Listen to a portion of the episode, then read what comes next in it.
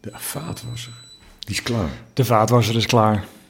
Maar die blijft even piepen. Oh nee, zet hem dan maar even af. We zijn al begonnen, hè? en doe ik ondertussen even de introductie. Vroeger verzond Theo Komen halve toeretappes. Als hij achterop de motor voor Radio Tour de France net een belangrijk moment had gemist, dan, dan deed hij het gewoon opnieuw. Op het moment dat hij live ging. Of uh, George Freulich. George Freulich, nu burgemeester, maar vroeger journalist. Die kon uh, niet in koers mee. Hij zat achterop de motor hè, in, de tour, in de Tour de France ook, voor Radio Tour de France. Hij kon niet in koers mee, omdat de verbindingen niet werkten. Het vliegtuig was kapot of zo. Toen is hij vervolgens in het finishgebied gebied van die etappe op de motor gaan zitten met draaiende motor. En dan de motor gaf gas. En af en toe niet, hij remde zo'n beetje, dat het echt klonk. Een ventilator voor zijn neus en deed dan verslag van de toeretappe die op dat moment bezig was. Is echt gebeurd. Wielrennen is verbeelding. Cycling is, is something that exists in the imagination, you know? And, and I, I mean, I like the old that old ethos of, of radio commentary where the, even the radio commentators didn't really know what was going on and they invented this whole story Yeah, and, yeah. and told it out there and it exists you follow it with the imagination not with not with your eyes Matt Randall is dat, hè? wielenverslaggever, vriend van de show inmiddels. Ehm, wielrennen is verbeelding, Maarten. Dat, is- hebben we wel nodig in deze periode. Nou, eh, het is heel belangrijk om te beseffen dat eh, wij stellen nu gezondheid voorop. Dat moet ook. Eh, maar de verbeelding moet weer een plek krijgen. En sport is een ongelooflijk eh, goede manier om dat voor elkaar te krijgen. En wielrennen is daar nog eens een keer buiten categorie in ook. Omdat je eh, inderdaad met z'n allen onderweg bent met 190 man, eh, 190 verschillende verhalen hebt in één koers. En eh, dat is nodig, dat, dat inspireert. En daar zijn heel veel voorbeelden van. Ik weet niet of, eh, of ik dat mag noemen, maar dat. eh, Je het mag boek, alles zeggen. Het boek wat eh, verschenen is na de Eerste Wereldoorlog, dat de jongens die in de loopgraven lagen en die dat overleefd hadden, vijf maanden na dato door het gebied heen koersten met de omloop der slagvelden. Prachtig boek overigens. En dat was heel inspirerend.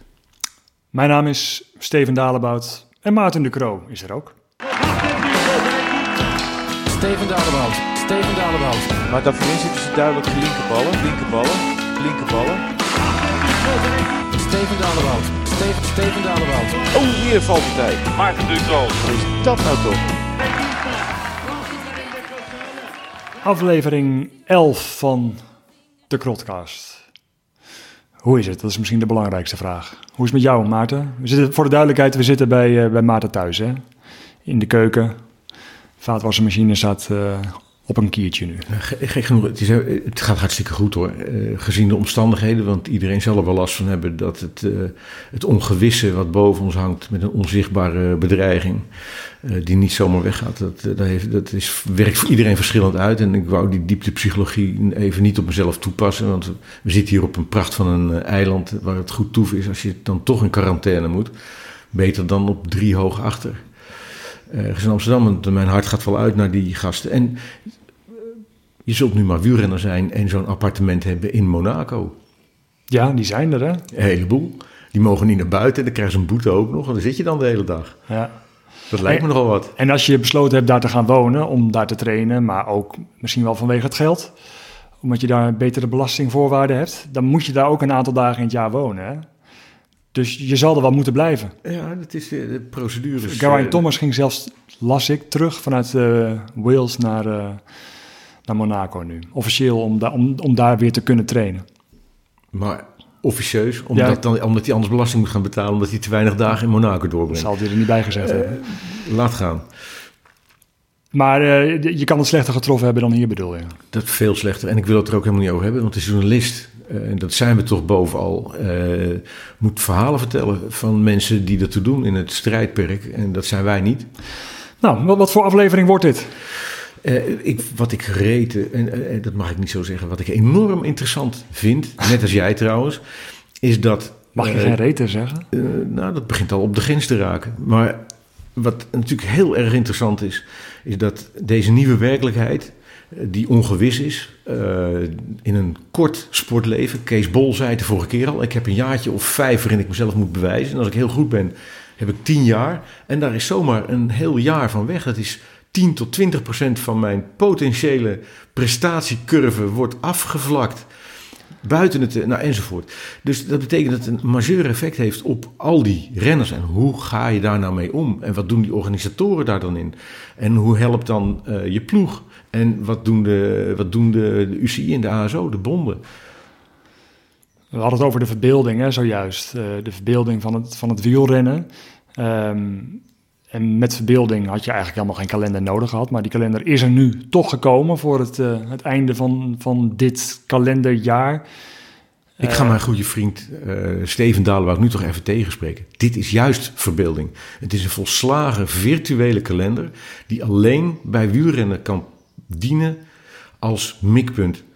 Als je dat bij eh, de Olympische Spelen doet, zeggen ze ja, maar dan kan ik me niet voorbereiden en tel dat niet. En dan lazer ik uit het rek en, uh, of van de ringen of weet ik veel wat. En wielrennen zegt, we moeten een mikpunt hebben, ook al is het virtueel. Wij maken die kalender, we stemmen dat af en dan leven we daar naartoe. En dan is het voor hun realiteit geworden. Prachtig, dat is wat we bedoelen met de sport van de verbeelding. Kijk, nou ja, je onderbrak me, want ik wilde vragen hoe belangrijk is dat voor de sport? Maar Zo belangrijk dus. Het antwoord is nou, gegeven. Zeg, eh, we hebben een aantal, aantal mensen gesproken. Uh, jij, uh, Daan van den Berg ook, sinds kort ook betrokken bij deze, bij deze podcast. Um, en hij sprak ook met Oscar Riesebeek van Alpes in Phoenix. En dat ging juist hierover.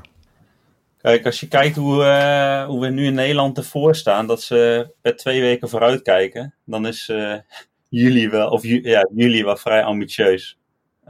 maar op zich vind ik het zelf wel prettig dat er nou, dat er in ieder geval een voorlopige kalender gemaakt is. uh, ja, stiekem in mijn achterhoofd speelde natuurlijk ook wel op dat het gewoon dat de kans aanwezig is dat, uh, ja, dat het toch nog wat uitgesteld wordt. Um, maar ja, je moet ergens beginnen. Ik denk dat dit wel een mooie start is. Dit is precies wat jij zegt, hè? Ja.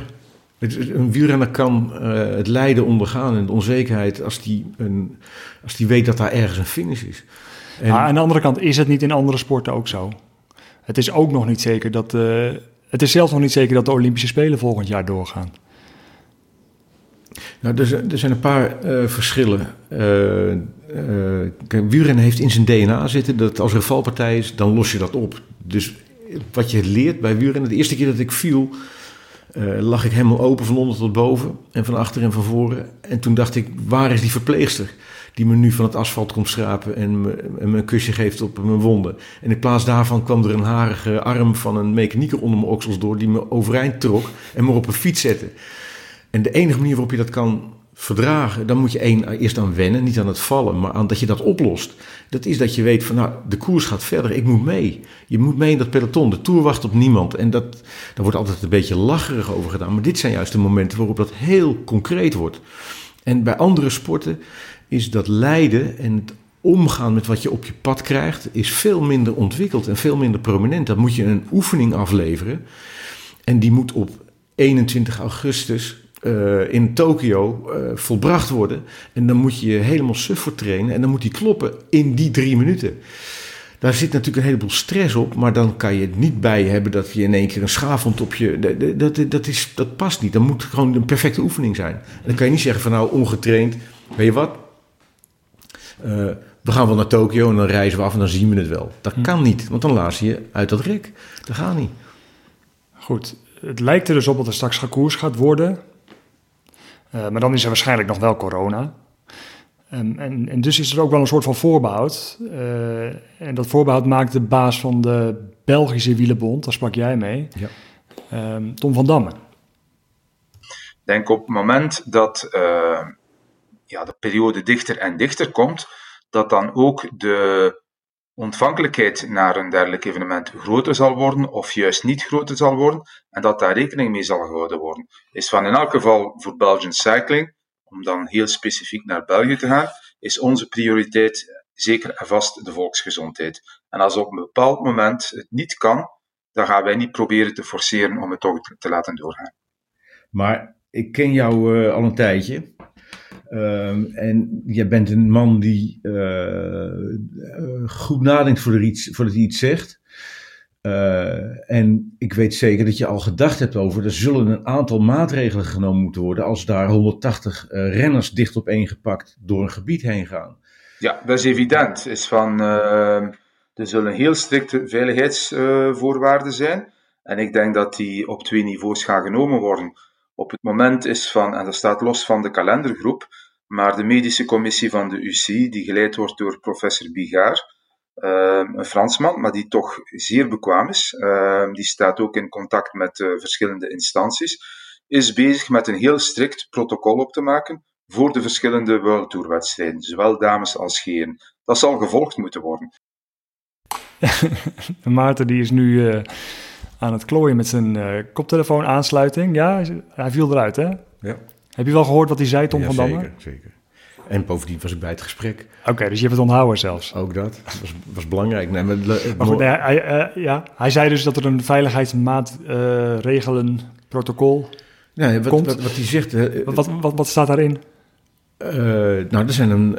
Kijk, het is natuurlijk evident dat een peloton niet op anderhalve meter kan blijven rijden. Dus dat betekent dat je vooraf maatregelen moet nemen dat er niemand is die besmettingshaard kan zijn. En dat gaan ze dus meten vooraf en achteraf. En, er zullen wel eisen zijn aan de hotels. Maar ja, die hotels die zijn toch leeg, dus je kunt het regelen. En uh, ik vroeg me ook verderop in het gesprek van, nou, dat wielrennen, dat heeft die, uh, wat ze tegenwoordig wendbaarheid noemen. Hè, dat is zo'n modewoord in de organisatieliteratuur. Maar die wendbaarheid heeft het wielrennen om binnen een week dat te kunnen regelen. Desnoods is Cancellara bereid in een tent te gaan liggen, zoals hij me verteld heeft. En uh, dat, dat was niet. Wie vertelde dat? Uh, Cancellara die, uh, die moest naar Dubai. Omdat Ja. ze daar in de woestijn geld konden verdienen. Maar die werden elke dag 200 kilometer heen en terug vervoerd naar het begin en eind van die etappeplaatsen. Ja, Omdat daar de beste hotels waren in, het, in, het, in de hoofdstad. ja. Maar ze moesten door die woestijn heen koersen. En hij zegt, joh, maar die Bedouinen, die slapen hier toch ook in die tenten? Kom Ja. op, leg mij maar in zo'n tent. Dat vind Ja? ik veel leuker dan dat ik daar de hele tijd op en neer moet gaan rijden door de woestijn in de brandende hitte. Om, om in een hotel te gaan liggen met de airconditioning. Noem maar op. Dit- Dat is nog spannend ook. Dat, is, dat kan bij een wielrenner. Ja. En die Tom van Damme zegt terecht, dan moet je zorgen dat als ze bij elkaar zijn, dat daar geen besmetting uit kan optreden. Maar voor de rest hebben wij eh, alle neuzen één kant op. In het wielrennen, dat is nog nooit gebeurd. Alle Mhm. neuzen gaan één kant op. Die koers gaat door en dat gaan we regelen. En dat kan binnen een week. Dat kan binnen een week. Ja. Ja, daar, gaan we straks nog even verder over praten. Over dat, nou ja, hoe de machtsverhoudingen nu zijn hè, en hoe die neuzen allemaal dezelfde kant op staan. Eh, want dat is wel inderdaad interessant om te zien. Dat is interessant aan deze tijd ook. Eh, maar eerst nog even over die, die, die, die veiligheidsmaatregelen. Want de vraag is dus hoe, hoe organiseer je een koers terwijl er gewoon nog corona is en, en geen vaccin? Ehm, dat zal misschien wel zonder publiek moeten. Kan dat? Eh, ja, ik denk dat dat kan. Eh, maar dan zul je ook een beroep moeten doen, eh, zoals nu overal gebeurt. Hè, Zweden loopt erin voorop. De eigen verantwoordelijkheid van het volk, van de mensen. Dat geldt ook in Nederland, maar daar wordt wisselend over gedacht. In grote steden zie je wat mensen die daar minder hun verantwoordelijkheid in nemen. Maar toch, daar, daar zijn we van afhankelijk. Je kunt niet voorkomen eh, dat je ooit een keer een bacil op je, op je luchtwegen krijgt. Of een virusdeeltje. Dus je moet zorgen dat je eh, weerstand opbouwt, maar geleidelijk, noem maar op. Dat, dat, dat is heel belangrijk. En daar kan je goede maatregelen voor nemen. Ja, En dat hoort bij kan, zonder je kan, publiek. Je kan, nooit, je kan nooit 200 kilometer zonder publiek eh, of afzetten voor publiek, laat ik het Maar zo wat zeggen. nou het mooie is, kijk, een dus stadion... dan, dan, dan komt het op eigen verantwoordelijkheid aan. Ja, maar het leuke is, die mogelijkheid is er ook. Want eh, je hebt een stadion in het voetbal. Als daar 40.000 man ingaan, zoals in Nauwkamp... dan zitten ze met z'n allen op een mutje. eh, weet je, Ja. en, dan, en dat is de bron geweest van de besmettingshaard in Noord-Italië. Maar in het wielrennen heb je 200 kilometer lang parcours... waar je aan twee zijden om de anderhalve meter... weet je hoeveel miljoen mensen er dan dus bij uitstek de sport die De- je zou kunnen... De sport die, door met- zou kunnen gaan. die zou kunnen bereiden met publiek langs de kant. En het tweede belangrijke aspect aan wielrennen Ja. is de, van oudsher dat verbond met de media. De Tour de France kon de Tour de France worden omdat de krant het wilde organiseren. Die omloop van de slagvelden die kon alleen maar georganiseerd worden omdat de krant ander nieuws nodig had. En die ging het organiseren dat dat kon gebeuren daar zo. De media, de televisie brengen dat in beeld. Eigenlijk kan wielrennen, en dan kom je bij die sport van de verbeelding. Je kunt doen alsof het een waanzinnig circus is, maar je kunt gewoon 100 wielrenners rond laten rijden. En de manier waarop je het in beeld brengt, dat, dat verhaal kan je produceren. Jij werkt bij de radio, maar de tv net zo. Je maakt dan een nieuwe werkelijkheid die je in beeld kan brengen, die Een beetje zoals met Facebook. Iedereen lacht en eh, nooit heeft iemand pech. Maar moet je dan, want je hebt het over de media, moet je dan, als zo'n zo'n Tour de France bijvoorbeeld doorgaat, moet je dan zeggen, ja, er komen minder journalisten, want nu zijn het er 5000 of zo. Ja, dat moet allemaal op afstand. Dat, eh, Jij gaat eh, vanuit, vanuit heel veel Ja, voor mij is het nog het aller, allermakkelijkste. Eén één ding is zeker, de Tour gaat in beeld gebracht worden. Dus dat betekent dat er camera's zijn, erop en erboven en noem maar op. En nu met minder publiek en niet al die volgers. Want er zullen ook heel veel minder volgers zijn.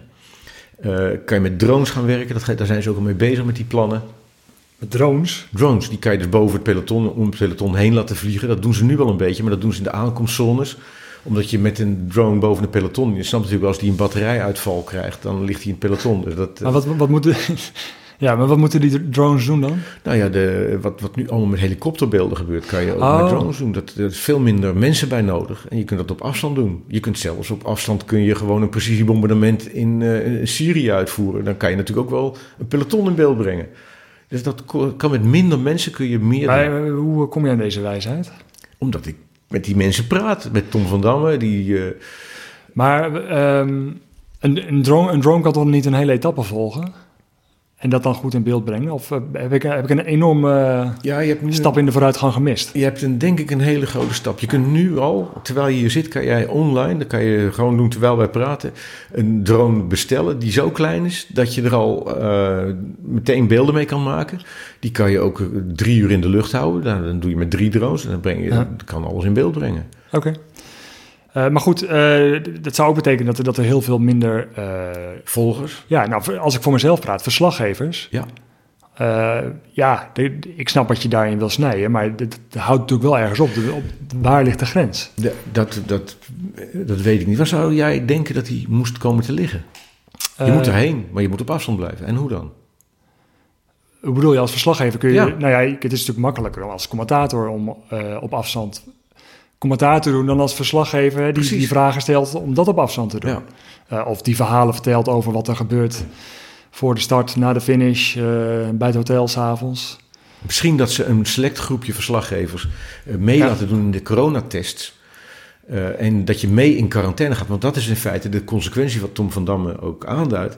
Als je wil dat er een groep mensen die dicht op elkaar zit, coronavrij is, dan moet je ze iedere dag testen voor en na, temperatuur meten voor en na. En dan zitten ze in een soort quarantaine waar niemand in of uit mag, zodat je eh, niet die besmettingshaard introduceert in dat systeem. Dus je moet het systeem gelokt down houden in zijn sport. Dat is eigenlijk het principe wat Als die- een grote bubbel door Frankrijk. dat. En, en, maar die bubbel was er al. En, maar dat gaan we alleen een beetje perfectioneren. Eh, we hadden met Rondell al even gehoord hè, in deze uitzending. Ehm, hij vertelde ook nog wat over, nou, wat jij eigenlijk ook zojuist vertelde, over dat dat wielrennen zich zo makkelijk aanpast. I, think, in a sense, cycling is a guerrilla sport. There's not a lot of money eh, about it. You know, with with football or with other sports, there are huge kind of infrastructure projects that need to be set up and created, and so on and so forth.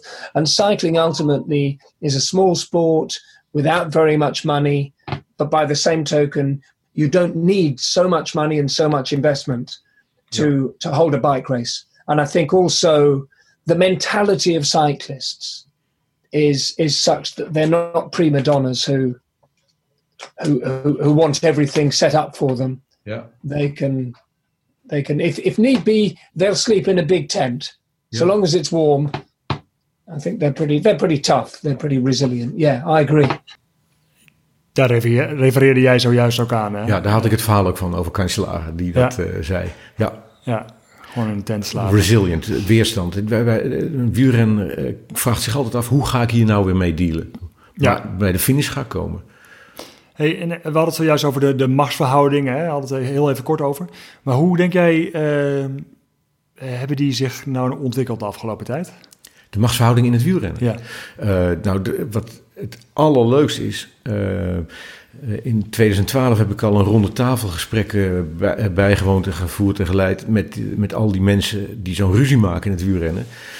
En uiteindelijk concludeerden ze: we zitten in dezelfde boot. Alleen we doen alsof we allemaal in een aparte boot zitten. Ik ben de organisator, dus mijn belang gaat voor. En dat is het leuke, onder druk wordt alles vloeibaar. Nu wordt duidelijk van als er geen tour is, dan is er echt een enorm probleem. Kijk, zolang er, heb ik altijd gezegd, zolang er wegen zijn waarop je kunt fietsen en zolang er mensen zijn die op een fiets hun leven willen wagen om te kijken wie het eerste er is, is er wielrennen. Maar als economische factor moet het in beeld gebracht worden. En als dat niet doorgaat, dan, ja, dan verdienen ze, dan heeft de Tour is meteen failliet, want het zijn, eh, ze verdienen wel geld, maar ze moeten de Dakar bij doen en weet ik veel wat. Dus die, die, hebben echt niet veel buffers. En die ploegen, die zitten helemaal in nauwe schoentjes, zoals ze dat heten. Die hebben die salarissen. En dat is volstrekt afhankelijk van sponsoring. En die sponsors gaan allemaal uh, onder druk. Dus dat is een heel uh, belangrijk iets dat er iets in beeld gebracht wordt. Dat is de enige bestaansreden die ze hebben. Wij fietsen, kijk ons toch eens fietsen. Ja. En als dat wegvalt, ja, dan, hebben ze, dan gaat er altijd wielrennen zijn. Maar hoe? Um, de Tour had je het over. Dat is, de tourorganisatie is de, de ASO. Hè? Um, velen kijken in het wielrennen naar de UCI en de AS, ASO als uh, de twee grote machthebbers. Uh, maar volgens um, Hans van der Wegen, Vlaams journalist, is dat achterhaald. Ja, maar UCI is niet meer tegen ASO. Hè. Uh, er zit de Fransman aan de, kop van, uh, aan de hoofd van de UCI. Uh, dat is een, is een ander verhaal dan vroeger, hè, dan met Koeksen. Dus, dus wat dat betreft heeft de UCI, is UCI gewoon heeft de UCI het duidelijk aangegeven dat ASO de machtige factor is. En dat zij alles bepalen en dat UCI zich voegt naar de, de, de oekases van ASO.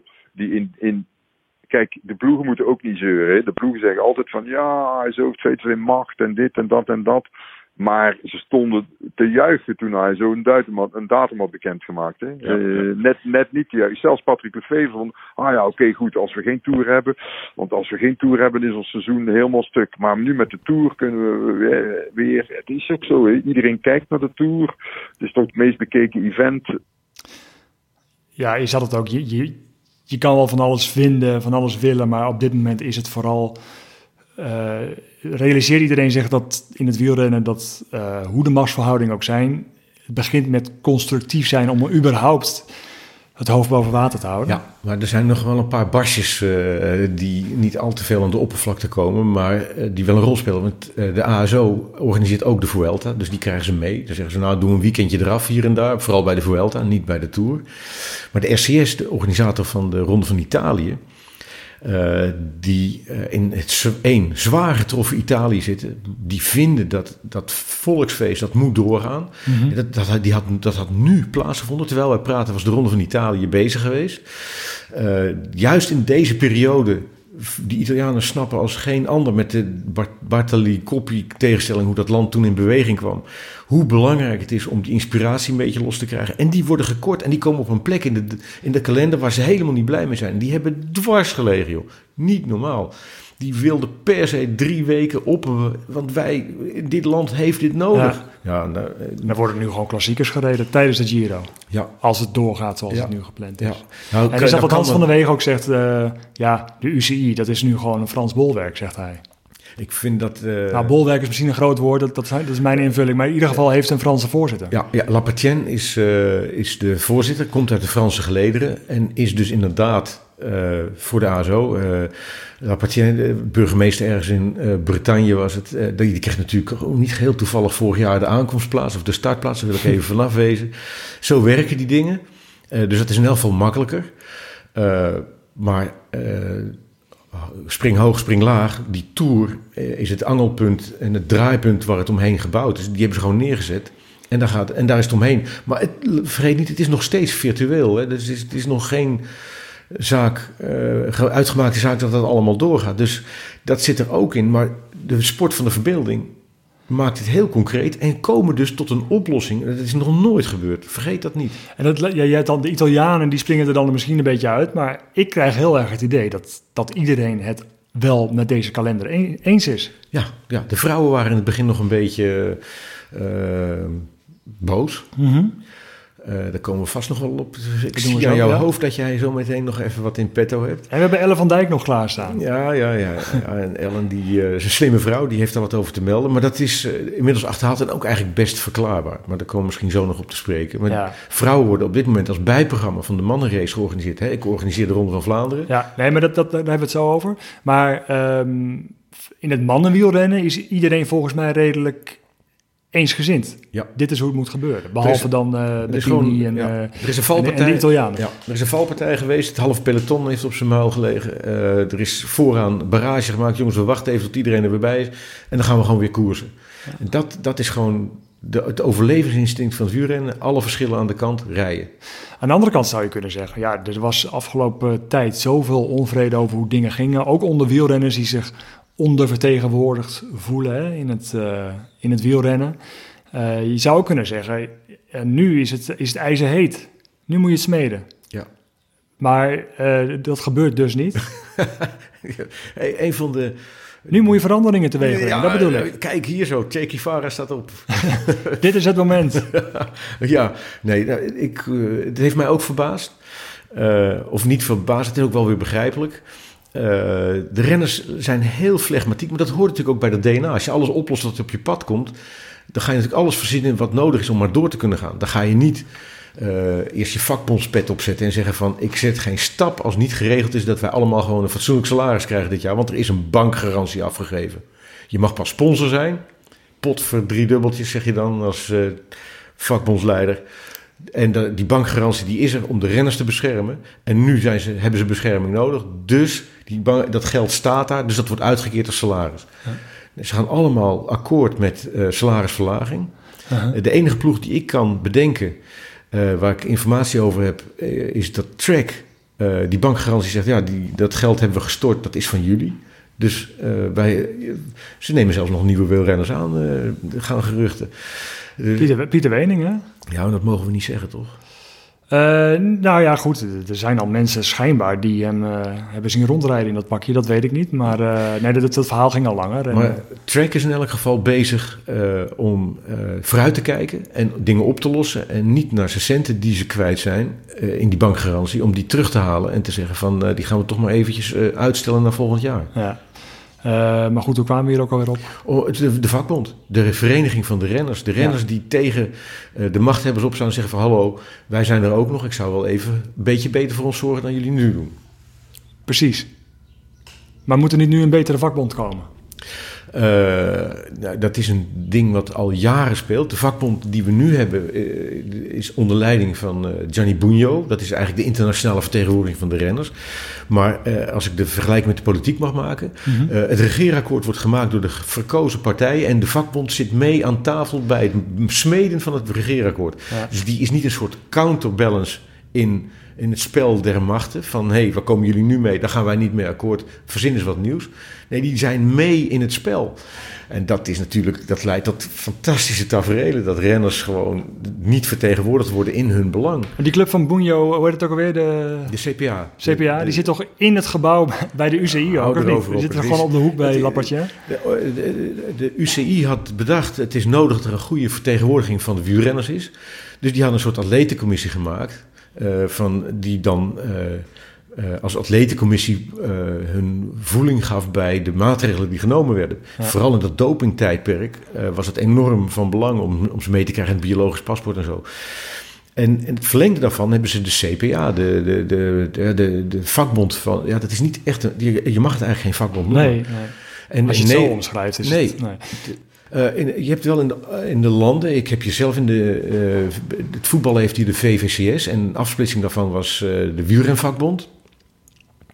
En, eh, en Bobby Traxel is daar eh, Ja. jarenlang woordvoerder geweest. En dat, dat is een beetje een vakbond, maar dat zijn alleen de, de Nederlanders. Als die zeggen van wij gaan niet starten als die hotels niet geregeld zijn. Dan zeggen de Belgen, ah, dan kunnen wij mooi een extra ploegie afvaardigen. Dag de Nederlanders. Dus Precies, het is, het is heel gevaarlijk ook misschien wel, eh, of het wordt als heel gevaarlijk ervaren om nu eh, de barricade op te gaan. Het komt niet eens in ze op. Ik spreek Ja, met dat, dat, jawel. Bernard, Bernard IJssel spreek ik, die is bezig met vakbonden. eh, die hebben, Ja, die wielrenners zijn hier wel mee bezig. Ook juist nu in deze coronatijd waarin ze tijd hebben om over andere dingen na te denken. Vertel, wie?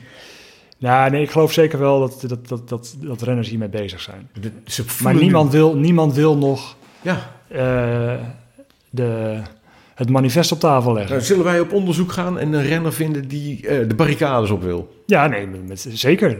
Meld je aan bij deze. Ellen van Dijk heb ik gesproken. En Ja. trouwens Bernard IJssel heb ik gesproken. Ja. En, en die, die vinden het allemaal heel logisch dat het gaat zoals het gaat. Het is niet anders. Dat, dat hoort bij wielrennen. Ja, ik, Joop Zoetemelk. Wat vind je van de verplaatsingen? Hino die stapt af in Agen. En hij zegt, ik ga hier niet eens finishen voor die bobo's die in de beste hotels slapen. En ik mag niet, eh, en ik moet 300 kilometer reizen. Fuck you. Dat zei ze niet in Frankrijk in die tijd. En eh, Joop Zoetemelk zei, ik moet mij verplaatsen. Dus verplaats ik mij. Ja, ja nee, maar dat is, dat is, ik, ik Ja. geloof niet dat dat nu nog zo is. Geloof ik, geloof ik niks van. Maar ik Steven, snap, ik, daag snap een, wel dat een oproep. Ja, ja, nee, Beste wielrenner, wie gaat de barricade op? Meld je Steven, wordt anders heel ongerust. herhaalde oproep. Eh, en dan is er nog iets, want de organisatoren of de, de ploegen die hebben natuurlijk ook eh, verlangens. En die hebben ook eh, vaak gezegd: de, de taart moet groter, we moeten het anders verdelen. Ehm, maar de vraag is: gebeurt dat dan? Is dat dan daarvoor ja, nu het juiste moment? Waarschijnlijk ook niet, hè?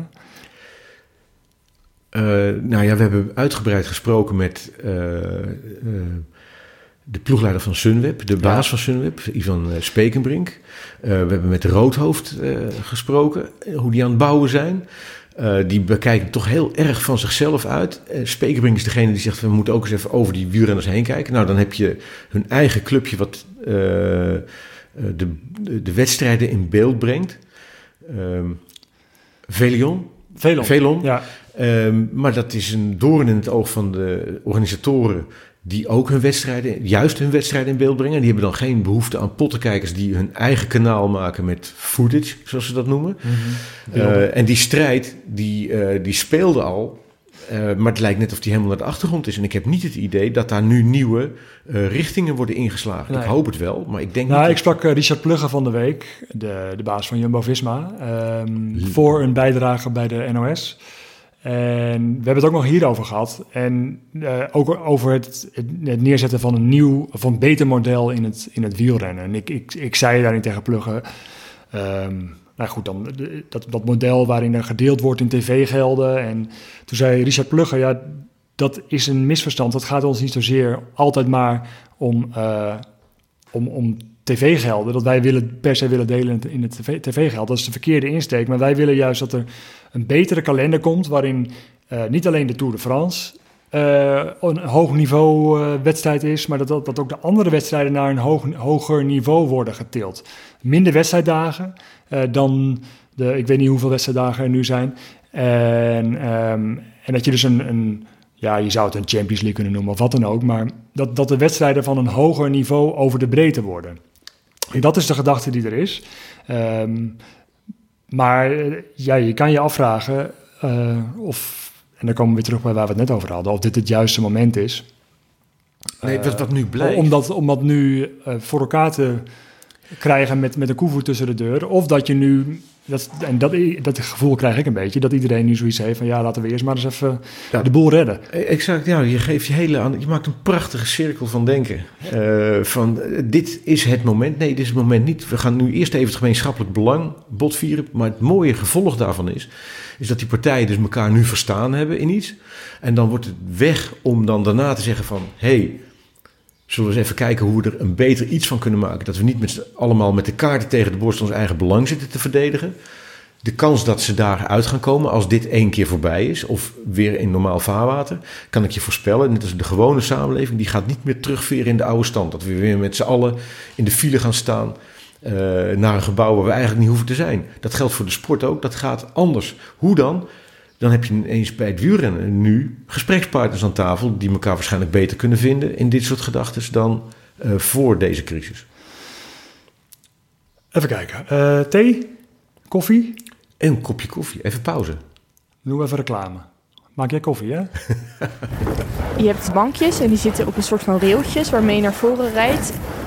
Wat hoort een roeier? In Het Geluid van Sport laat Steven Dalebout horen hoe topsport klinkt. Synchroonzwemmers zitten in een wereld die bijna niemand kent. Sound is so nice under the water. En in tennis is geluid belangrijker dan je denkt. En ik gaf een ongelofelijke peer tegen die bal. En, en ja, dat geluid wat die bal gaf, dat was zo prachtig. Abonneer je op de NPO Radio 1 podcast. Het geluid van sport. We hebben het tot nu toe over het eh, mannenwielrennen gehad. Nou ja, en een klein beetje over het vrouwenwielrennen. Je zei al, eh, eh, we gaan ook daarover over praten. Ehm, want die, die mannen die kregen al vrij snel een nieuwe kalender. Maar de vrouwen in eerste instantie niet. En daar was toen Ellen van, Dijk niet heel blij mee. Ja, ehm, ja, ik vind dat wel wat. Ik vind daar wel wat van. Ehm, ja, natuurlijk wil iedereen in deze periode ergens naar uit kunnen kijken en, en plannen kunnen maken en doelen stellen. En ehm, ja, een stipje aan de horizon hebben waar je weer naartoe kunt werken.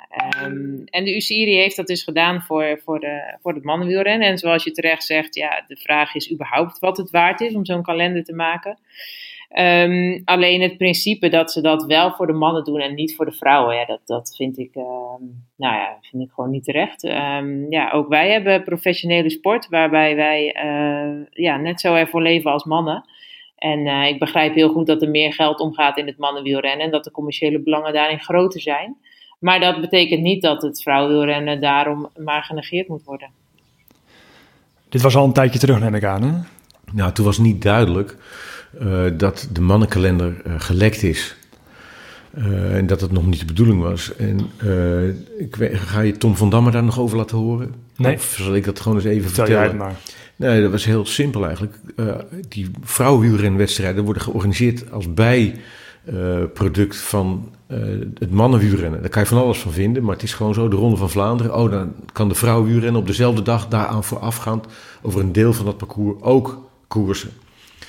Eh, dus ze moesten eerst die mannenwielrenkalender eh, in potlood kunnen tekenen.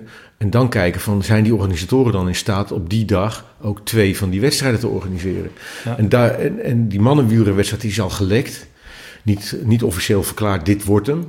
Want hij hij is ook nog veranderd in de loop der tijd.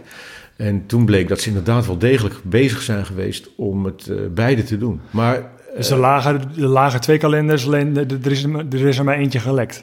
Nou ja, de mannenwielrenwedstrijden zijn de data die ook meteen vast liggen voor de vrouwen. En de vrouwen hebben eh, nu, eh, want ze hebben echt wel aanpassingen moeten doen. eh, waardoor het dus soms toch uit elkaar is getrokken. En dat is een heel overleg geweest. Hoe gaan we dat logistiek dan doen? En, en dat, daar ligt nu een goede vrouwenkalender. Daar Ja. zouden we Ellen nog even over kunnen bellen. Ja. Want er is heel degelijk naar ze geluisterd. Het is alleen, wat ik heel onhandig vind, is één dat dat mannenwielrenverhaal gelekt is. Dat vind ik eigenlijk wel logisch als er zoveel partijen bij betrokken zijn. Die zijn natuurlijk blij. Oh, er is een kalender. Er is witte rook. Dus wordt er geroepen. Maar kom dan als eh, eh, UCI of als ASO, als een leading eh, body in het wielrennen. Kom dan even met een verklaring. Jongens, we zijn er nog mee bezig. Dit is gewoon voorlopige data. We moeten het vrouwenwielrennen nog. Daar kan je een verklaring over houden. Dat hebben ze helemaal niet gedaan. Ja, en dat, is zo en, eh, suf. Nee, precies, want dat heeft voor heel veel frustratie gezorgd. Man, man, man, dat zou ik boos zijn. Ja, Ja, toch? Ja, natuurlijk. Alsof ze niet, alsof ze niet bestaan. Ja. Zo voelde de. Zo ja, voelde, en je hoort Ellen ook zeggen: ja, ik begrijp best dat het commercieel al belangrijk is voor mannen. Eh, ja, en het, het, is, het is gewoon onprofessioneel dat het gelekt is op deze manier, maar dat, dat kan je altijd oplossen natuurlijk. Ja, en dat is, dat is niet gebeurd. Nee, maar dat is ook het enige, want er is wel degelijk aan gewerkt en er ligt nu een goede kalender. Nou, dat kun je zeggen, want er is eh, zelfs een Parijs-Roubaix opgekomen op de vrouwenkalender. Wist je dat niet? Nee. Wist je dat Nee. niet? Heb je al gekeken? Ja, maar ik, ik durf gewoon niet. te- Ik denk, ik heb het fout Parijs, gelezen. Roubaix, ja. Parijs-Roubaix, een vrouwenprijs. Ja, dat klinkt ontzettend. Maar dat weet je. Dat, ja, nou, dat, kon, had, dat past er gewoon niet in mijn hoofd. Ja, Sorry. nee, ik sprak uh, Oh, jee, die, die, die zei, eh, die, op, op het moment dat die, die kalender gepubliceerd zou worden, zat zij maar op refresh te drukken op haar op het timeline van Twitter. En, en maar te drukken en te drukken. En toen kwam, kwam daar in één keer de nieuwe kalender. Zij klikt het open en ze ziet Parijs-Roubaix staan. Ze denkt, ja, dit is de mannenkalender. En klikt het weer weg. Nou, hier, dat had ik ook. En toen zag, toen zag ze alle- allemaal vrouwenkoersen ook staan. Hè? Parijs-Roubaix eh, bij de vrouwen. Dus dat, eh, eh, dat, dat, is wel een... eh, Daar zal een Ellen unicum. van Dijk, we, we moeten er echt gaan bellen. Ja. Eh, want er zijn een paar dingen veranderd, maar dit is, dit is voor haar. Dit is spek naar de bek, zoals ze dat noemen. Voor Ellen van Dijk. Ja, ja. nou ja, zeker ja. Die powerhouse. Maar je merkt dat, dat heel veel vrouwen hier ehm, ehm, in- naar deze koers uitkijken. Ja, wat... Parijs-Roubaix. Ja, ja, ja. ja. Dat, dat snap ik. Snap jij het? Ja, er zijn... Kijk, een Amerikaan... Want jij was niet zo kasseien toch? Ik kon ontzettend goed op kasseien rijden. Alleen een, st- af en toe een stukje. Maar eh, ik heb één keer... Ik heb een, eigenlijk een trauma aan Parijs-Roubaix overgehouden. Ik, eh, ik was... mij heb je dit al eens verteld in de podcast, klopt dat? Of nou, dat- vertel maar, vertel gewoon nog een keer. Nou ja, ik was een neoprof, eh neonazi zoals ze dat noemen. Ik mocht in, eh, in, eh, in maart afreizen naar het zuiden van Italië, naar Bari, in de, in de, in de punt van de laars. Ja. Of in de hak van de laars. En, eh, en ik werd derde of zo, vijfde in, in de omloop die daar was. En eh, Van Impere zelfs nog mee, zo lang is het geleden. Die reed van zijn laatste koersen. En ik was in de warme zon daar. Fantastisch. In mijn eerste profjaar. In een, in, in, een meerdaagse koers. Bij, in de top 10 geëindigd. Top 5 zelfs. Dus ik land op Saventem. Helemaal met, met als een aap zo trots. En, eh, en in plaats van dat mijn vrouw daar staat, staat de Hilaire van de Schuren. En die zegt mee naar Parijs-Roubaix.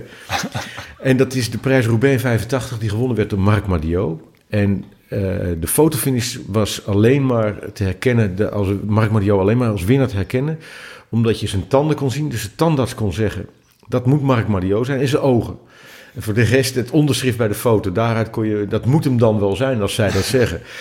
En ik heb daar dingen gezien, nou, dat, dat, dat, dat wil ik gewoon niet. Dat, eh, de, ik, ik kwam op een kasseistrook, er was gewoon één eh, plas water. En die, dat lint wielrenners, dat was net het strand van Normandië, werd dat af en toe drie eh, weggeschoten. Die, die schoten dan het weiland in, want je kon de weg niet meer zien. Mhm. En ik heb het einde ook niet gehaald, dat zal ik je vertellen. Nou, mochten de vrouwen nu nog in, eh, enthousiast zijn over de Ja, Parijs maar het, op de kalender. het heeft al twintig jaar niet geregend in Parijs-Roubaix. Dus daar komen ze, dat gaat ook nou niet meer gebeuren, denk ik. Nee. Eh, en er komt ook een Tour de France voor vrouwen. Eh, zoveel lijkt eh, zeker, wou ik zeggen, dat is niet helemaal waar. Want Prudhomme heeft gezegd dat eh, de kans heel erg groot is dat er in 2022 een Tour de France voor vrouwen komt. Ja, hoe kan, hoe kan dat nou ineens dan? Is dat Ja. dan een gevolg van, van een paar maanden denken over wat, nadenken over wat we aan het doen zijn in de wielerwereld? Ik denk dat, he- dat, het, het is, het zou met elkaar te maken kunnen hebben, maar het is een beweging die al een tijdje gaande is. Eh, de ASO let wel erg op de centjes, dus die hebben het aanvankelijk eh, hoog opgezette evenement tijdens een tour hebben ze teruggebracht tot eh, een eendaagse wedstrijd Ja. in Parijs, zodat het zo min mogelijk kosten met zich meebrengt. Want ze moeten namelijk die televisieploeg voor de vrouwen ook in, in de lucht brengen. Je kunt niet zeggen, die er toch al. Nee, die moeten opnieuw tanken, die moeten heen en weer vliegen. Dus ze moeten extra helikopters en weet ik veel wat. Dus het was logistiek een enorme operatie, buiten het financiële nog. Maar de druk om dat te doen en de belangstelling voor het vrouwenwielrennen neemt toe. Dus er zit ook een commerciële kant aan. Je maakt jezelf volstrekt belachelijk als je, ongeloofwaardig als je niet ook vrouwenwielrennen presenteert. Kijk ja, je zou nou- kunnen zeggen, het is een gat in de markt. ja, maar even, dat, kijk wat er nu aan het gebeuren is in de wereld. Mensen kunnen niet, eh, in veel landen niet fietsen. Hier dan nog wel. Maar in de meeste landen kan je niet fietsen. Je kunt er niet naartoe. Dus je hebt allerlei online dingen. De online werkelijkheid is als het ware vijf jaar dichterbij gekomen. Ja, Sneller. dan, heb je het over eh, virtueel fietsen. Bedoel je. Virtueel fietsen, dat is wat virtueel vergaderen. Dit virtu- is gewoon Ja, buiten maar- wielrennen. Ho, ho, ho, maar even de, Want die vrouwen die dat doen, dat is bijna de helft. Dat is onvoorstelbaar. Dat loopt in Amerika, reist dat de pan uit. Dat bedoelt peloton. het aantal vrouwen... Het dat- aantal vrouwen wat online aan het fietsen is, wat een programma kan doen, wat in een community met elkaar er is een hele fietsen. grote, grote markt voor Vrouwenwielrennen, vrouwenwielrennen, er zijn ontiegelijk veel vrouwen. Maar ik die bedoel ook een beetje de, de, de, de sport op het, de sport op het, de topsport op het hoogste niveau dus. Ehm, want ja, daar valt natuurlijk nog heel veel te winnen aan hoe die wedstrijden in beeld gebracht worden. Wat meer dan 20 seconden van Luik, Bastenaken, Luik en zo, dat soort dingen. Dus ehm, nee, daar valt heel veel te winnen. Eh, en dat is misschien ook wel wat die organisatoren nu zien. Eh, die zien dat, maar de, de, de sociale druk, eh, die speelt zeker een rol. Vergeet niet, het blijft altijd commercie. Dus het is de sport van de verbeelding. Nou, commercie is ook de verbeelding. We willen Mhm. mensen verleiden dat er in hun hoofd een behoefte ontstaat die ze eigenlijk helemaal niet hebben, zodat ze spullen gaan kopen. Nou, dit is een concrete behoefte. We willen bewegen op een leuke manier. We willen toch in een soort community zijn. Eh, waarin je het samen doet. En daar zijn Ja, maar nu heb je het over, over vrouwen. Zwift en zo. Zwift, absoluut. Ja, nee, maar ik had het over de Tour de France voor vrouwen. Ja, maar ik koppel dat Je praat over iets anders. Nee, nee, ik koppel het aan elkaar. Als, het vrouwen, als zoveel vrouwen blijk geven van interesse in wielrennen, dat betekent dat als die naar de tv zitten te kijken, ja. dan zijn ze geïnteresseerd in wielrennen. Ja. En als je daar alleen maar behaarde armen laat zien van, eh, van eh, Valverde eh, en zijn kale kop en, en die magere, dan zeggen ze van, hé, hey, waar zijn die vrouwen dan? Waar is Ellen van Dijk? Ik wil verdorie Anna van der Breggen zien. En ik wil Annemiek van Vleuten zien. En ze hebben gelijk. De- Dus je, je moet, als, als, je bent volstrekt ongeloofwaardig als je dat niet doet. En ik heb de naam dat ik, eh, dat ik het vrouwenwielrennen niet een warm hart toedraag, omdat ik buitengewoon kritisch op ze ben. Eh, maar dan heb ik het altijd over het niveau. Maar dit roep ik al zolang als ik commentator ben, dat ja, het- is een sport van het volk, het is een sport van de verbeelding. En daar zijn vrouwen dus de helft van. Dus ik zou er maar zorgen dat dat gewoon klopt. En dan heb ik het ook over het niveau. Dan wil je natuurlijk niet naar een peloton zitten te kijken. Eh, laten we eerlijk zijn, wat bijvoorbeeld een paar jaar geleden nog op een gladde, regenachtige eh, Champs-Élysées Ja. massaal Ja, op een ja, ja. bakkers vielen omdat ze geen, fiets niet kunnen bedienen. Ja, dat wil je natuurlijk, dat moet kloppen. Dat, moet wel professioneel zijn. Want ik stond daar, ik stond daar te wachten op de mannenwedstrijd. Ehm tenminste, die, die, die zou natuurlijk daarna ook finishen. En ja, dat klopt niet helemaal wat ik zeg. Dat, die, die finishen veel later. Maar goed, ik, ik, ik, ik stond daar midden op de weg. Omdat je daar op de Champs-Élysées heb je daartussen... ehm, heb je zo'n afgebakend eilandje op het midden van de weg. Hè? Over de lengte is dat. Dus dat is één Een meter. middenberm heet dat. De middenberm. Eh, daar hebben ze met van die, van die plastic eh pilonnen dingen achter, achter afgezet. Kunnen fotografen en een paar verslaggevers kunnen daar dan staan. Ehm, en ze vielen echt recht voor mijn neus. Dus ik stond daar gewoon rustig met, eh, met, een, met een microfoon in mijn hand, hartslag 60. En, nou, een beetje kijken zo. En dat is een heel rare gewaarwording. Want in één keer komt er dan zo'n peloton voorbij. Dat is al bijzonder. Maar recht voor mijn neus, niet, gelogen. Er stond echt alleen een stukje plastic tussen. één meter voor mijn neus. Ging de eerste onderuit. En ik zag ze zo allemaal zo voorbij vliegen. Dat was, en dat geluid, dat is, dat is echt een nageluid. Dat is het dichtstbijzijnde wat ik bij een, een valpartij ooit ben gekomen. Ja, jij kijkt me nu aan van jongen, jongen. Nee, nee, nee. Ik, dat, ik- heb ik 30 keer meegemaakt in een jaar. nee, nee, nee, ik leef mee. Ja. Ik, eh, nee, Nee, maar dat heb jij, ben jij nooit gevallen met je fiets? Eh, nee, maar ik rij nooit in groepen. Bijna nooit. Maar je valt toch wel eens een keertje? Ik toch? ben... Je ja, nog ja, niet- ja, nee, ik ben één keer Nee, maar ik, ik vertelde net over mijn eerste valpartij. Ik dacht Nee, ik ben ook één van, keer, ik, dat, dat, dat zal ik dan ook even vertellen. Ik ben er van toe op gefietst. Ik was zo'n soort trots als een pauw. Kom, hè, ik- de hele afdaling gedaan. Ik kom beneden eh, in uh, Bédouin. En ehm, dacht ik, of Mallesen, weet het niet meer. En ehm, ik draai daar een straatje in. Allemaal terrasjes. En ik, het was een van de eerste grote bergen die ik had beklommen. Dus ik voelde me, ik voelde me heel wat. En eh, ik kwam zo beneden en ik eh rij nog eh, twee, drie, vier kilometer per uur. Zoekend naar een terrasje waar een plekje vrij was. En ik zie niet dat, er, dat de weg, dat de stoep zeg maar een halve centimeter of een centimeter hoger was dan de weg. Het was niet echt een stoep, maar het was een klein verhogingje in de weg. Een richeltje. Dus jij valt daar in terras. daar, daar klapt mijn wiel op dubbel. Het zag er echt zo dom uit. En mijn knie spat open, bloed eruit. En toen? Ja, dat. Maar vooral zag er heel dom Nee, uit. maar even, ik wil even, want ik ga je zo vertellen over Kneteman. Mensen kwamen me helpen, ja. Ja? Ja, ja, die kwamen van hun stoel af. Ik heb eh, met Kneet op het eind van het seizoen, eh vlakbij zijn Huiberg, waar hij toen woonde, gingen wij een Belgisch biertje halen. Seizoen afgelopen, niks aan de hand. Maar dat slaat aardig aan aan het eind van het seizoen als je mager bent. Dus wij eh, waren ook herkend van, oh kijk, daar heb je Van der Poel, Ducro, oh, oh, wielrenners. Nou, wij, en wij stappen weer op. En Kneet doet het met veel zwier. En die gaat net zoals jij vol over het terras heen op zijn kin. Ja, lach er maar om. hij springt op alsof er niks aan de hand is. Goedemiddag, hop. En hij rijdt weg en om de hoek. Ja. Hij heeft zich moet laten hechten. Hij zag eruit, joh. Hij was- Oh ja? ja? Ja, maar die ging daar niet op het terras zich laten helpen. Kijk, dat is nou het verschil tussen een radioverslaggever en een wielrenner. Ja, dat, daar zou je wel eens gelijk in kunnen hebben, ja. Eh, de salaris hebben we het al even kort over gehad, maar da- daar gingen we niet echt heel veel dieper op in volgens mij. Hè. Maar ehm, nou ja, die salarissen, die, die, die in de Nederlandse voetbal leveren ze nu heel veel salaris in. En de wielrenners doen dat niet. Nee, time out. De, de wielrenners worden overal gekort. De enige die dat niet doet is track. Ja. En eh, bij, bij wielrennen is het een soort van zelfsprekendheid. Van ja, de, de sponsor heeft eh, schoenen in de verkoop, die verkoopt hij niet. Dus Ja. eh, we stoppen met het betalen van salaris. Nou goed, en eh, ik had daar dus een quoteje van Matt Rendell bij gezocht. Die een beetje uit de lucht kon vallen in mijn eh, aantekeningen. Maar ik denk, dat hij, ik denk dat hij nou het juiste gaat zeggen. Laten we even luisteren. Yeah, I think the women have got a more realistic attitude. uh, really. But I think probably that's because um, not many women cyclists have ever thought, I hope I can retire with, you know, 15 million euros in the bank. You know, whereas probably, you know, men, many of the men do have that aspiration.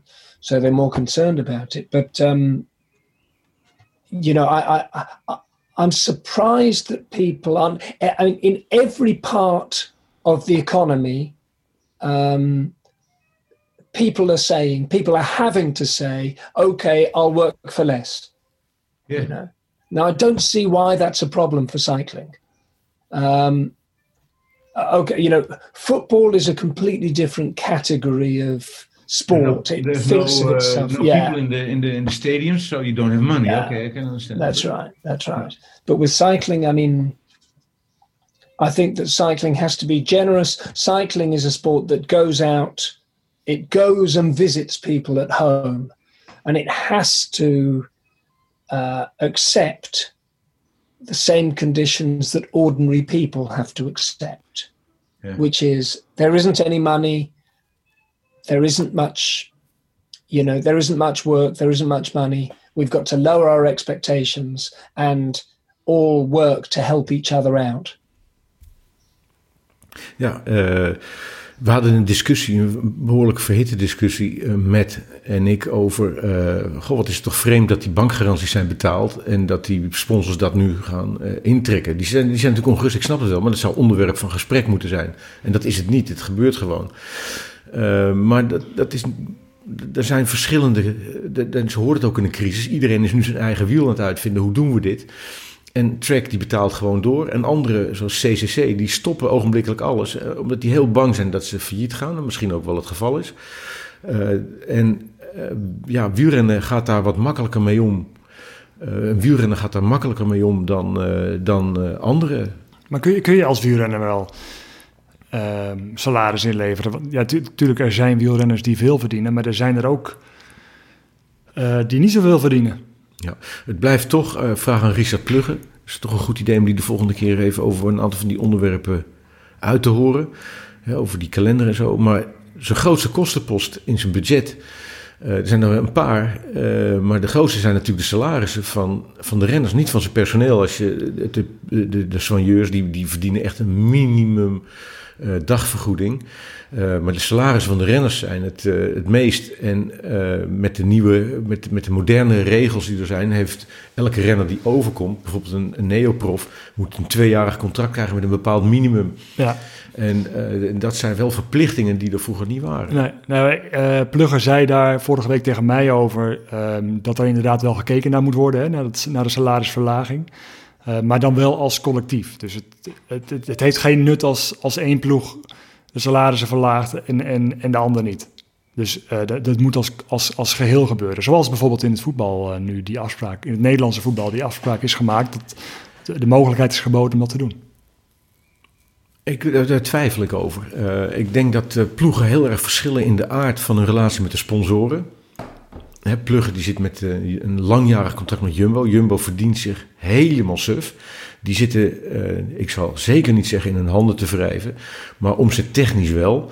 Eh, dus die, die hebben juist nu belang bij hun sponsorschap.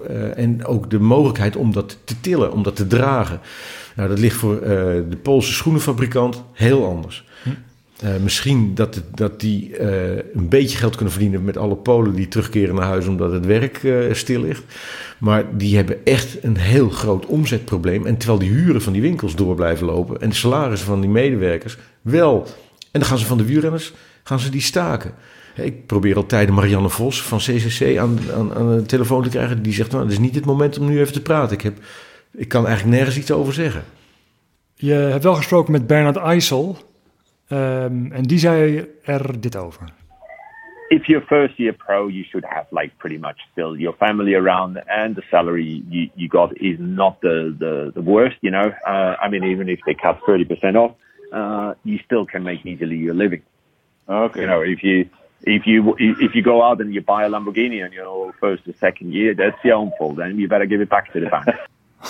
Ja, je moet er geen eh, Lambo- Lamborghini van kopen. dat is Bernard, die is hartstikke recht door zee. Hoe is het met hem eigenlijk? Hij is, Hij is eh, gestopt, hè? Hij is dit jaar gestopt. Of nee, vorig jaar al. Hij heeft dus in 2019 al niet meer gefietst. Is dat zo? Nee, te- Nee, te- nee, nee. 2019 heeft hij nog gefietst. Ja. En, maar in november was zijn laatste Ja. fietstochtje. En sindsdien heeft hij geen fiets meer aangeraakt. Of helemaal één keer. niet meer. Eén- ja, Helemaal ja, klaar. Hij mee. was Ja, helemaal maar klaar. hij, hij is ook zo enorm gevallen, hè? In eh, Tirreno in 2018. Ja, hij heeft een, eh, probleem gehad. Eh, ik heb hem wel goed gevolgd daarin. Hij is gevallen in de Tirreno heel hard. En toen bleek een paar weken later dat hij een lekkend bloedvat in zijn hoofd had. Oh, ja. En dat hebben ze moeten opereren, dicht moeten branden. En dat was... las ik al een gaatje in zijn hoofd moeten Ja, maken. ja, ja, ja. En ik, dus, hij zegt, maar ik ben nu gerepareerd. Ja, ja, ja. Maar dat, dat heeft natuurlijk een impact op een lijf. Ja. En dat niet alleen op je lijf, ook op je eagerness, je, je, je drive om nog een keer zo'n peloton in te gaan en daar het beste van jezelf op de mat te leggen. Ja. En zeker, hij is natuurlijk winnaar geweest van eh Gent-Wevelgem.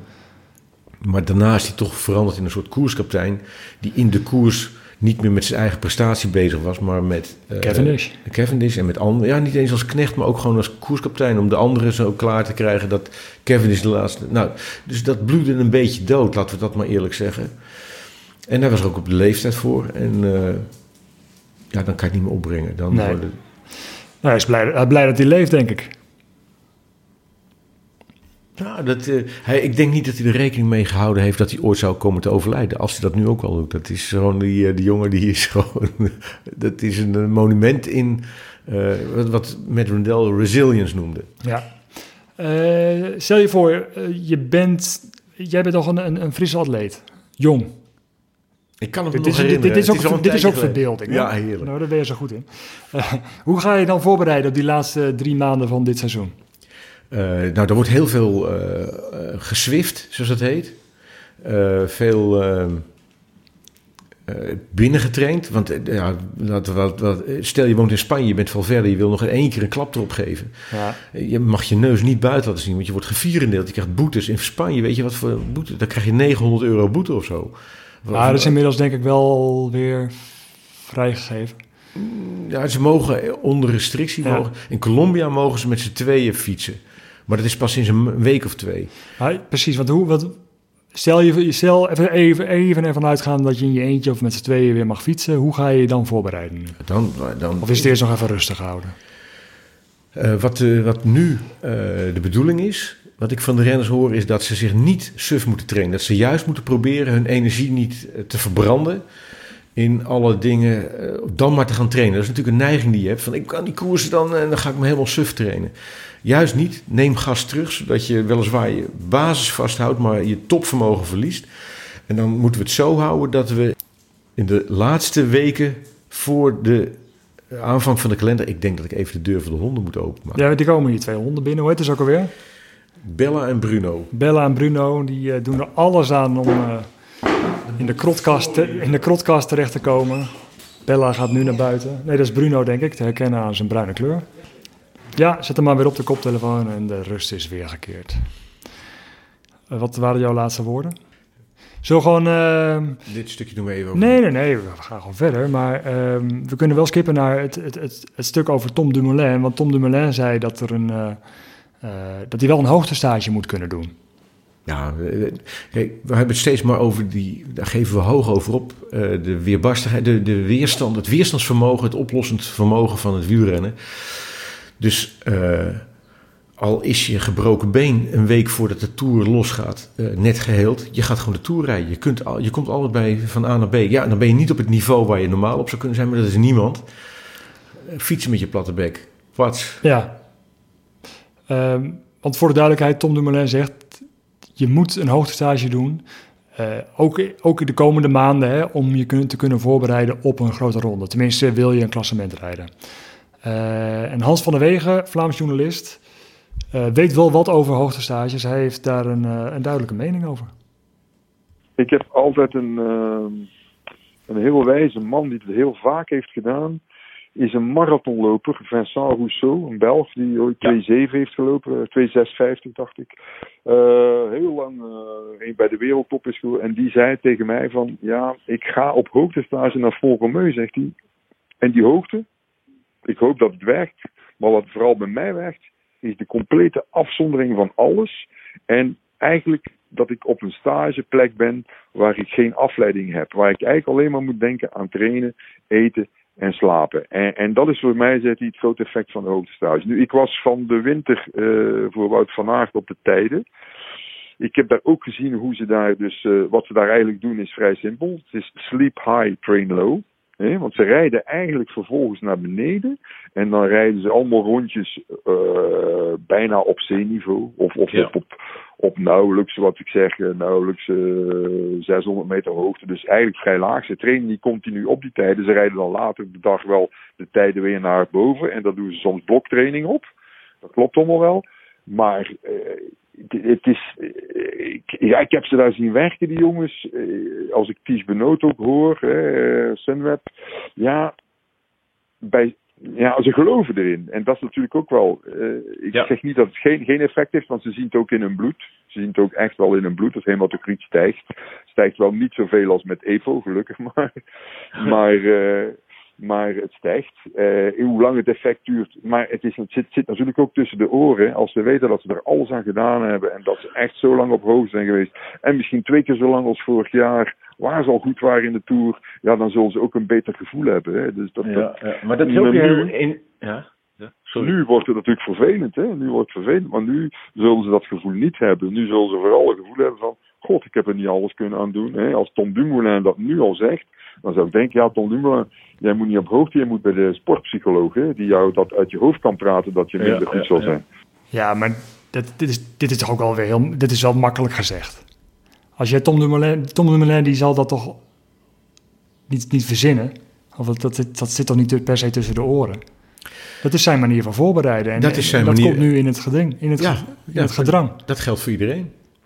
Nou ja, kijk, hij, hij, woont, hij woont niet in de berg. Hij woont niet in een bergachtig gebied. Hij woont in Nederland. Of net over de grens. Eh, dus zijn manier van toewerken naar een grote ronde is... Is eh, verstoord. is door te reizen naar een plek waar dat goed kan.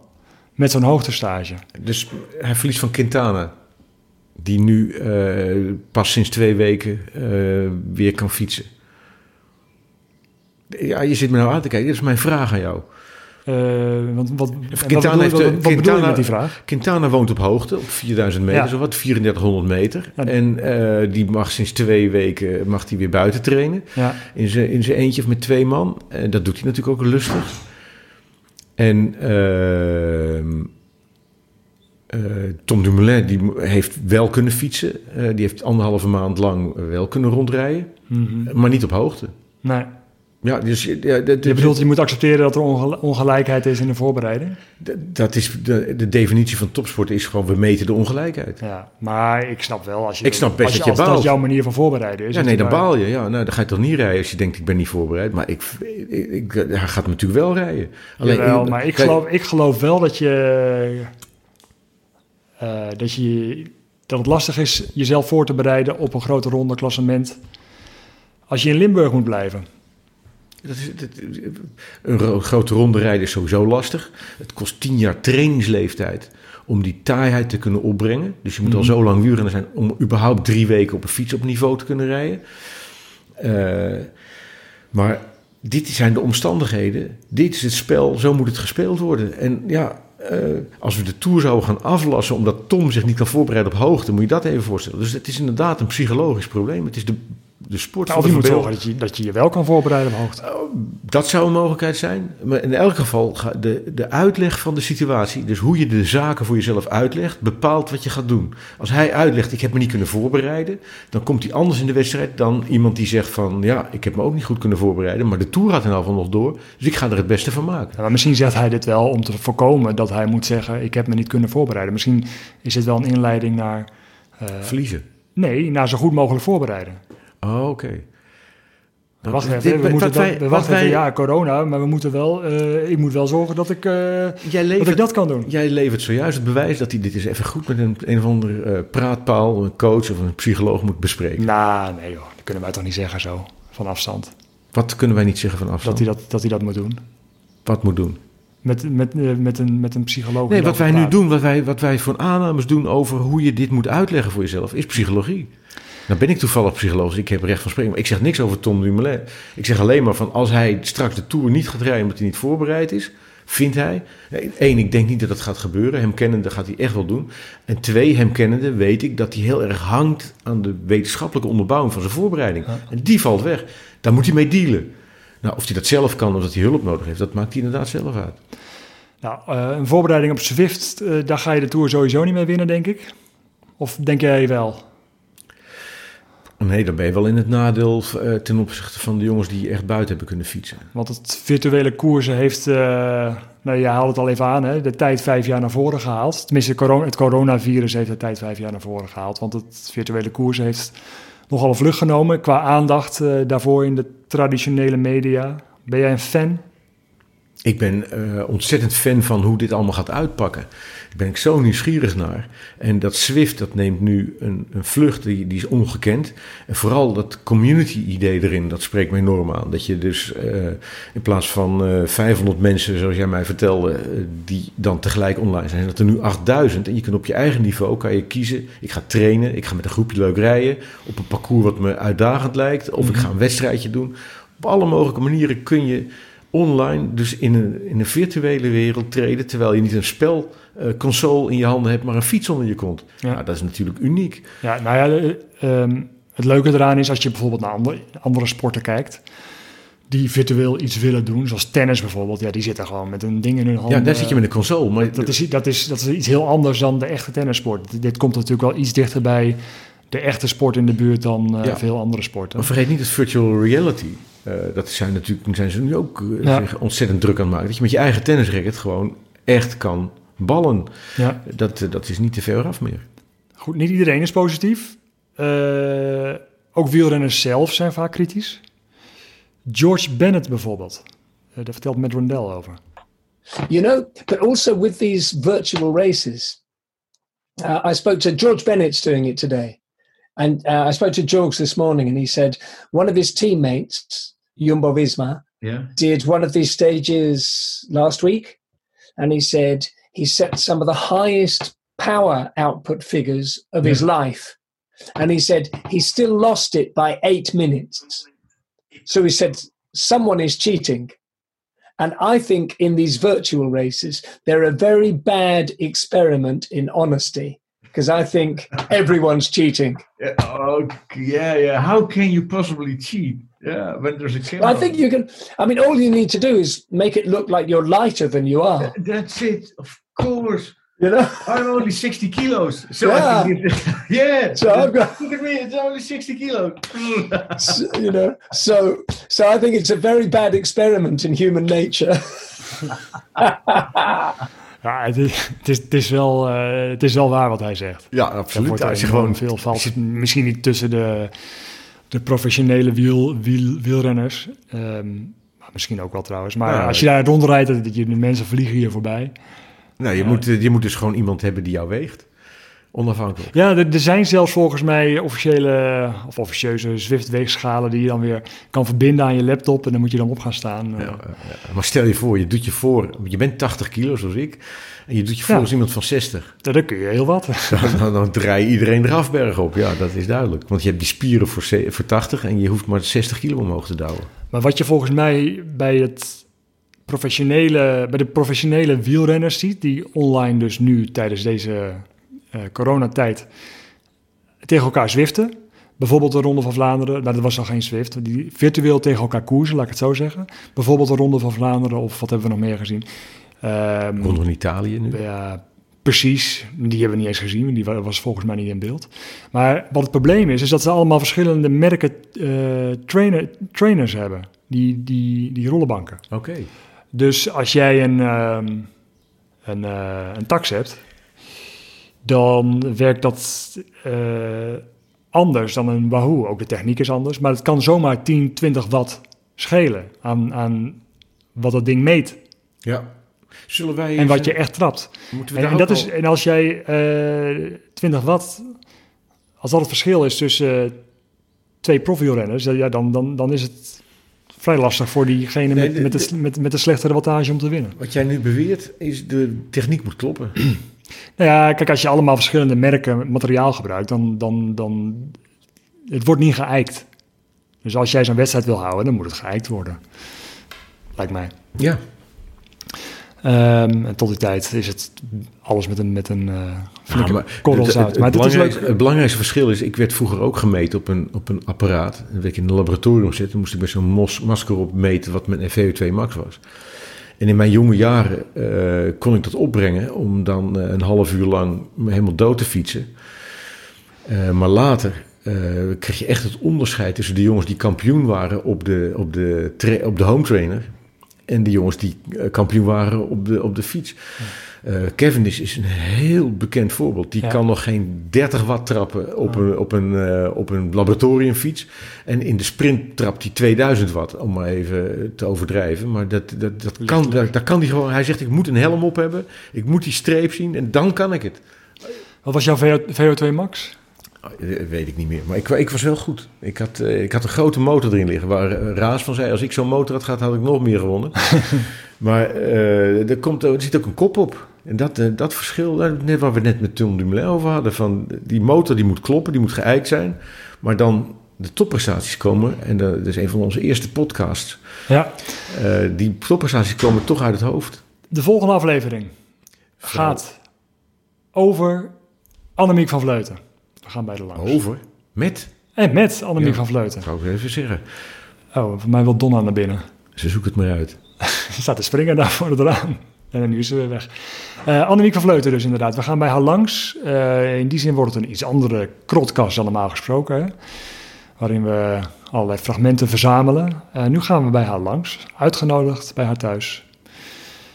Dat wordt aflevering 12 van de krotkast. En die zal al eh, vrij snel verschijnen. Volgende week hè? Ja. En hoe klinkt dat met mondkapjes?